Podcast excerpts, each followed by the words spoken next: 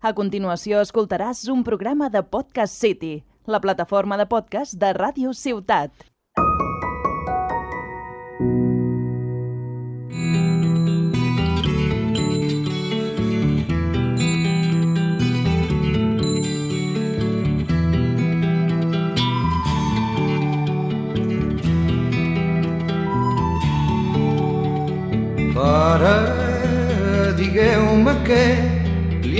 Fet al riu que ja no canta. Hola a tothom i benvinguts a la quarta entrega de Tarragona Sostenible, el podcast de Ràdio Ciutat de Tarragona. Com ja sabeu, si heu escoltat els anteriors programes, el nostre objectiu és abordar aquells temes relacionats amb el medi ambient i el nostre model de desenvolupament. Com de sostenible o poc sostenible és el nostre model de desenvolupament. I per parlar de tot això, comptem amb la participació d'experts, amb qui ja hem abordat la qüestió de l'energia, energies renovables, no renovables, del model energètic. També hem parlat de la percepció del risc petroquímic al Camp de Tarragona i recordeu que la URB ha engegat una enquesta online per analitzar aquesta percepció i al darrer programa vam parlar de mobilitat i Covid-19. I de què parlarem avui? Doncs avui parlarem de serveis climàtics. Què són els serveis climàtics? Per a què serveixen? Aquestes són les preguntes a les quals intentarem donar resposta de la mà dels convidats d'avui. John Olano, investigador postdoctoral del Centre en Canvi Climàtic de la URB. Hola, John. Bona tarda, Òscar. Gràcies, Gràcies per convidar-nos. Gràcies a tu per, per estar aquí avui amb nosaltres. I també tenim a l'Anna Boquer, investigadora predoctoral del mateix Centre en Canvi Climàtic de la URB. Hola, Anna, què tal? Hola, bona tarda. Gràcies també per acceptar la invitació de participar avui.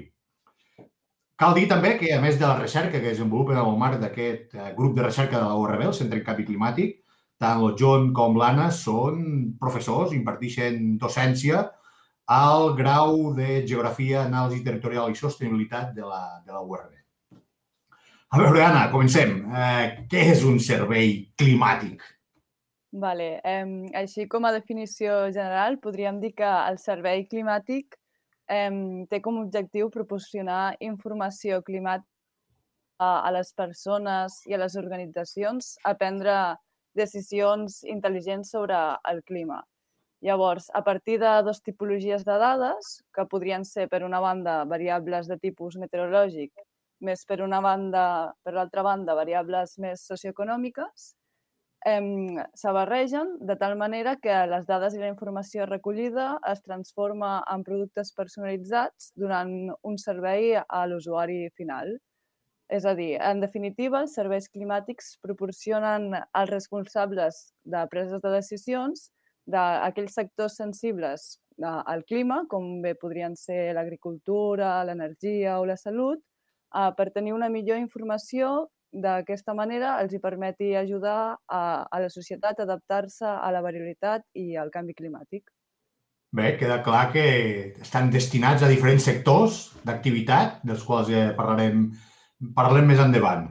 Eh, Valtres esteu treballant en aquesta línia de recerca en el marc d'un projecte europeu, que a veure si el dir, és un, un, un títol molt llarg, no? Integrated Approach for Development Across Europe of User-Oriented Climate Indicators for GFCS High Priority Sectors, agricultura, reducció de, de risc de desastres, energia, salut, aigua i turisme, no? Indecis és l'acrònim, no? Indecis pels amics, que està coordinat pel professor Enric Aguilar del Departament de Geografia. I tu, John, ets el project manager, que diuen, d'aquest projecte. A veure, fes-nos cinc, cinc cèntims de l'objectiu d'aquest projecte. Bé, eh, si fóssim una empresa privada, tenim com una mena de lema que diu from, de, from data to service. I seria el que resumeix l'objectiu del, del projecte en general. Després, cada Work Package, després, cada grup, fins i tot cada grup d'investigació que participa en el projecte Indecis té els seus objectius, però a nivell general seria això, de, de, de, de la dada meteorològica, una, una mica el que comentava l'Anna, fins al servei, fins al servei climàtic de, de, de donar aquesta informació entenible a, a qui la necessiti. Uh, en aquest sentit, uh, Indecis té set work, eh, work packages, paquets de treball, i una, una mica en progressió, tracten primer de tot, a part del primer de coordinació, que és on treballaria jo en aquest cas, la part més de project management, juntament amb l'Enric Aguilar, uh, un segon Word Package de recuperació de, de dades meteorològiques de construcció de, de datasets de diferents tipus, un tercer Word Package en el que eh, es treballa el control de qualitat, l'homogenització d'aquestes dades que s'han recuperat o que s'han construït els datasets, un quart de eh, Word Package en el que es construeixen diferents indicadors, fins a 136, em sembla que són, si no recordo malament, per tots aquests àrees de treball, de les prioritaris segons el, el, el Global Framework for Climate Services.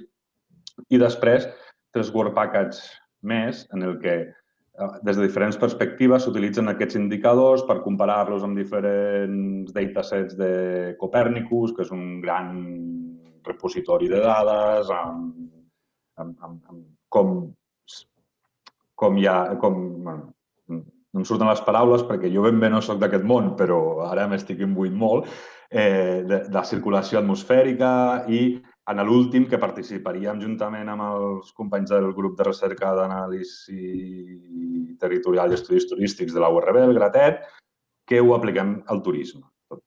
Tot, això, una mica, tot, aquest seria el flux, no? des, de, des, de, des de recuperar dades, que seria l'element més bàsic, dades del segle XVIII, segle XIX, fins a convertir-lo en una informació user-friendly per, per stakeholders.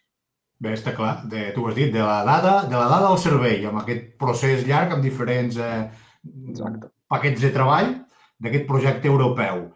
Està clar que si és un projecte, els projectes, no cal que siguin els europeus, però sobretot els europeus, suposa crear un equip gran, més si hi ha diferents paquets de treball, on entenc que hi deu haver diferents perfils perquè fa els investigadors i, òbviament, de diferents eh, països. A veure, Anna, Anna fes-nos 5 eh, cèntims de les institucions universitats i els perfils del, de gent que forma part d'aquest eh, conglomerat, d'aquest partenariat del projecte Indecis. Vale, mira, doncs, bàsicament, el projecte Indices està format per 16 partners de, en àmbit internacional. I exemple d'això serien l'IRPI, que és l'Investigative Report Project d'Italy, i també trobaríem altres partners més a nivell nacional, com la EMET, que és l'Agència Estatal de Meteorologia. També trobem el BSC, que és el Barcelona Supercomputer Center. I després, des de la Facultat de, de Turisme i Geografia, com bé com ha comentat el John, tenim a, a través del grup de, de recerca Gratet i a través també de, del C3, que és el grup de, del Centre de Canvi Climàtic, eh, que el John i jo formem part, doncs un, unes d'aquestes institucions, més moltes més, eh, ajudem a, a donar diferents mm, visions sobre, sobre la, la temàtica. Bé, està clar que eh, si, si, si participen aquests grups de recerca de la URB vol dir que entre els serveis climàtics n'hi haurà de destinats al turisme i parlarem, però mm, digue'm-nos, John, a, a quins altres tipus de, de sectors eh, estan o poden estar interessats en disposar d'aquest tipus de, serveis climàtics? És a dir, per a què i per a qui? Per a què, per a tot i per a qui per a tothom. Seria ah, molt bé, molt bé. una resposta molt bàsica i elemental, però si pares a pensar, eh, en, en, sempre estem pendents del temps per realitzar qualsevol activitat. Sí que la, hi ha uns sectors prioritaris, que és els que indica el nom del projecte i estan definits per l'Organització Mundial de Meteorologia, però al final eh, no cal ser ni un científic ni, ni un acadèmic ni res per mirar el temps i, i preparar les teves activitats.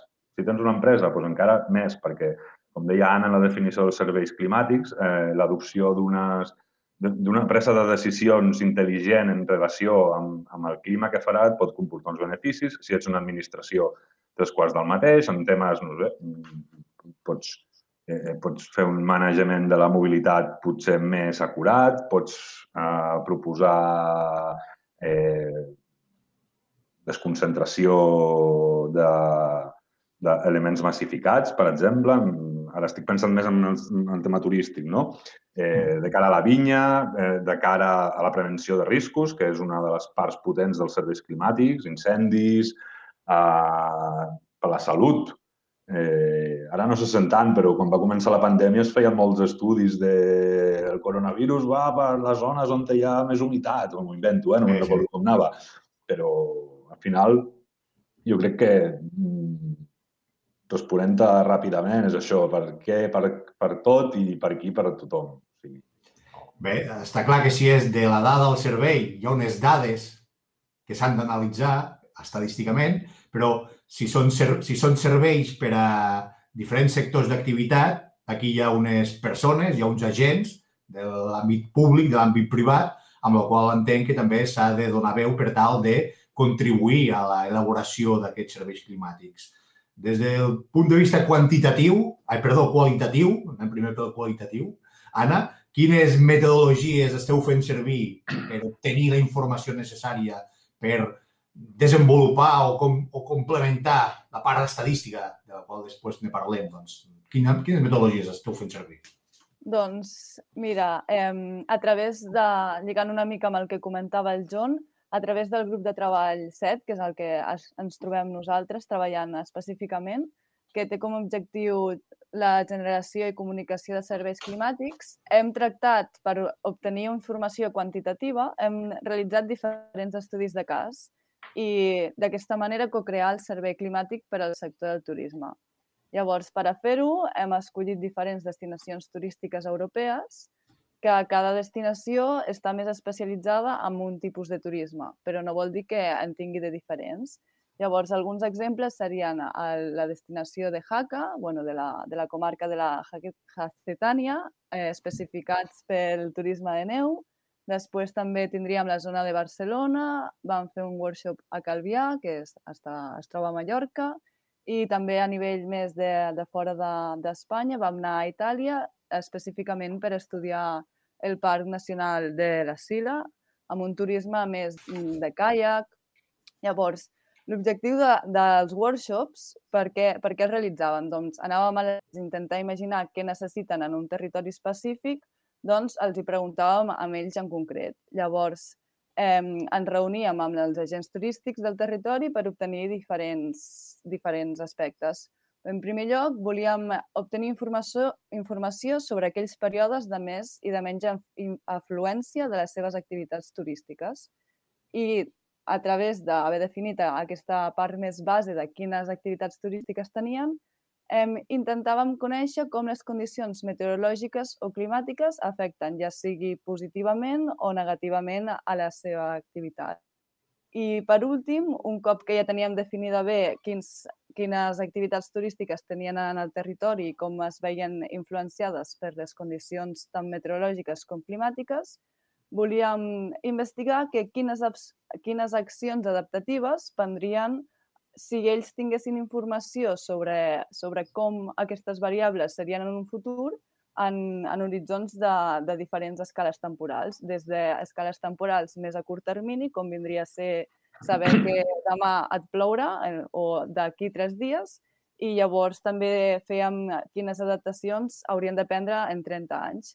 Segons el que s'indiquessin, potser haurien d'acabar de canviar absolutament el model de, de turisme o no.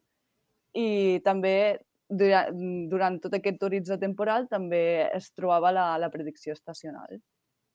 Bé, està clar que disposar d'aquests serveis climàtics per el turisme, per qualsevol altra activitat que et permeti fer front o, o decidir, no? prendre decisions, ja sigui a, a curt, a mitjà termini, per tal de fer front a situacions adverses o treure'n profit de situacions meteorològiques, climàtiques, doncs, eh, bones, per dir-ho d'alguna manera, doncs eh, dona un, un plus al, al sector o a l'activitat en concret. Raó per la qual està clar que per dissenyar aquests serveis climàtics se fa necessària la, la participació d'aquests agents. Però, clar, després hi ha la part més eh, anàlisi de dades variables. No? Com ho esteu abordant, aquest tema, John? Un apunt, això últim que, que deies, eh, és, mm, Eh, no, perquè ara pots pensar, un índex de sol i platja mm, serà el mateix per tot arreu. No, o sigui, la, la gràcia és aquesta, no? de dir, vale, nosaltres l'hem fet a Calvià, potser per aquí Salou o per, per aquí Calafell serveix, mm. però segurament aquest índex no servirà per llocs on te van a la platja al País Basc, a Galícia o fins i tot a Normandia, que la gent també va a la platja. O sigui, Sí, aquí, aquí, aquí està la gràcia de, de la metodologia aquesta. El mateix amb el de neu, no? No és el mateix un pam de neu als Pirineus que un pam de neu als Alps. Segurament als Alps un pam de neu la gent no anirà a esquiar.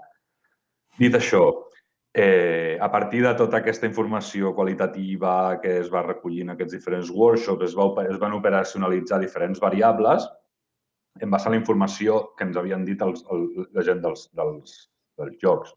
És a dir, eh, pues, mm, ara diré una cosa molt òbvia, no? però si plou, pues, la gent no va a la platja.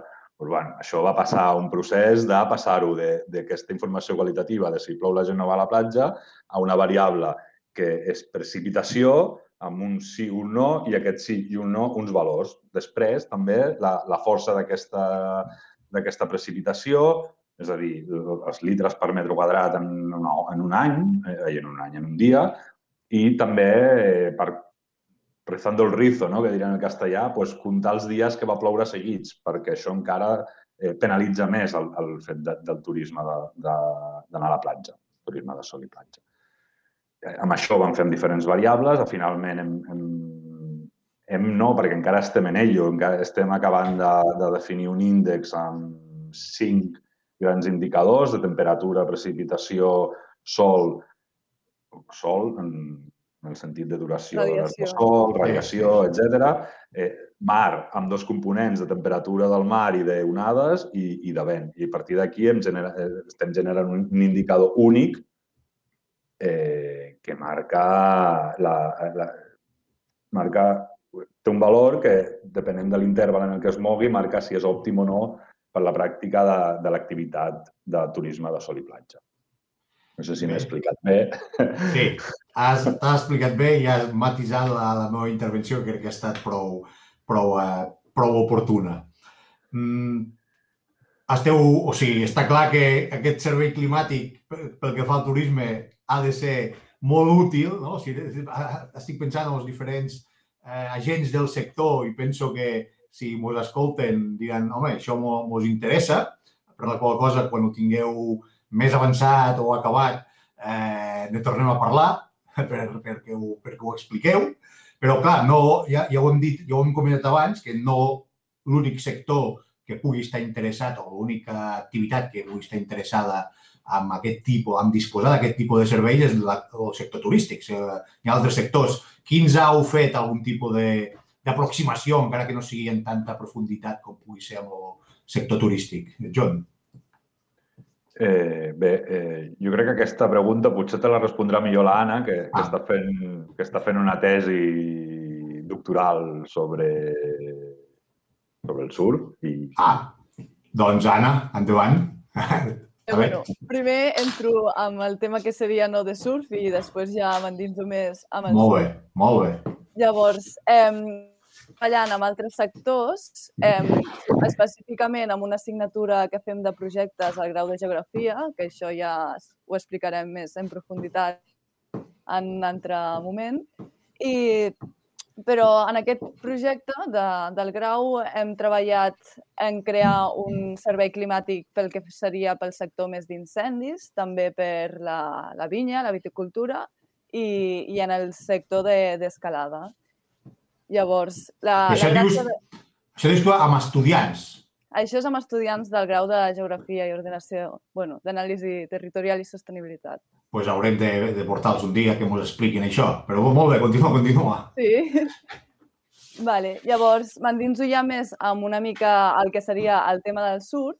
Bé, Eh, llavors, eh, la, la idea de crear un servei climàtic és, ta- tant com estàvem comentant, és tindre la informació meteorològica i interpretar-la d'aquella manera que sigui més fàcil de, de ser absorbida per als usuaris finals. En el meu cas, els usuaris serien doncs, les persones que practiquen el surf o bé empreses que tenen eh, serveis que ofereixen aquest tipus d'activitat.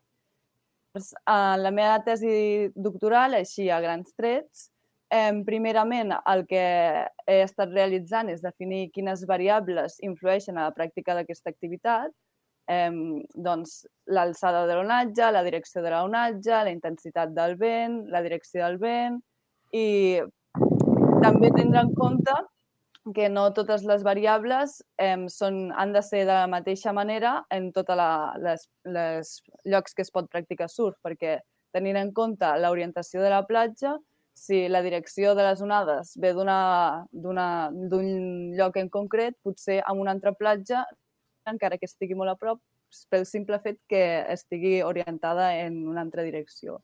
Llavors, tots aquests petits detalls, que n'hi ha moltíssims, eh, ajuntat tots per crear uns, uns indicadors que ens permetin analitzar el que seria més un estudi climàtic a nivell de, de bastants anys, però en lloc de saber si la tendència de temperatura incrementarà o les precipitacions seran més fortes, el meu estudi en aquesta base més climàtica, però fent una climatologia del que serien la, el, les onades.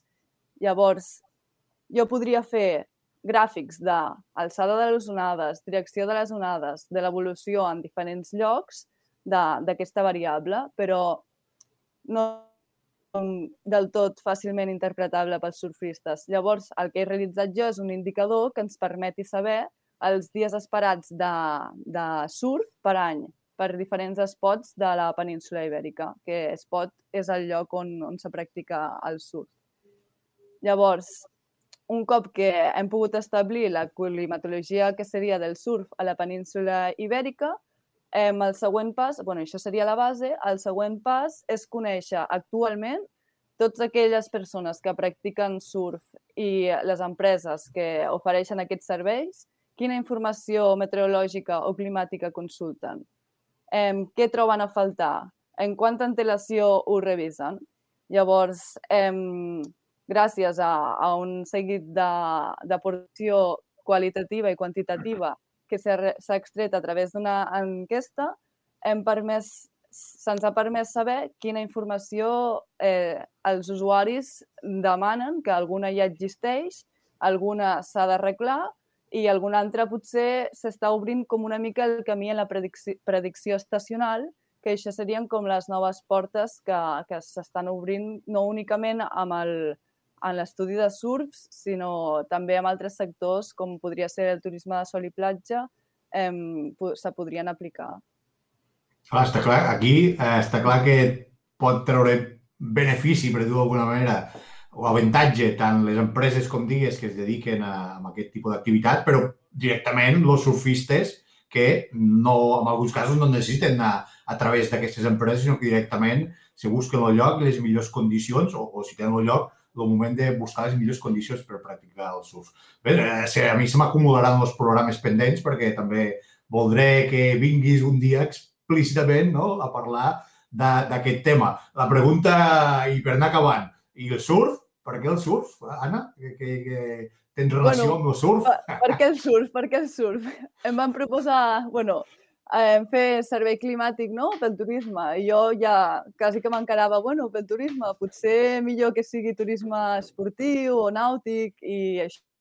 I, bueno, però que al final vam acabar detallant amb una cosa molt més concreta, que era el turisme de surf, perquè a part de que a mi la climatologia m'agrada molt i vaig fer la menció en Medi Ambient i Canvi Climàtic al grau de Geografia, a part d'això, com que practico surf, és molt més fàcil poder ajuntar doncs, el que seria més la informació pura i dura de les variables meteorològiques o oceanogràfiques amb com seria l'indicador per saber si realment se pot practicar l'esport o no.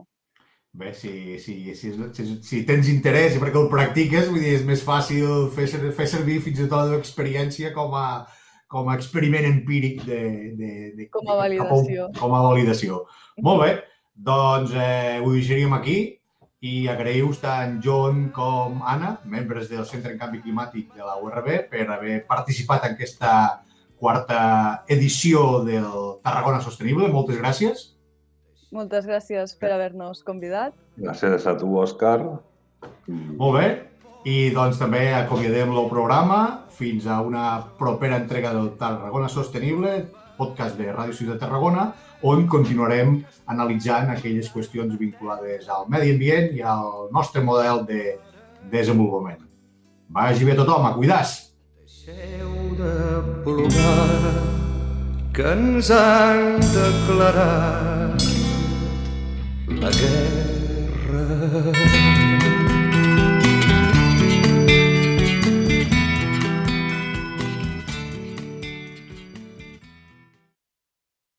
Has escoltat un programa de Podcast City, la plataforma de podcast de Ràdio Ciutat.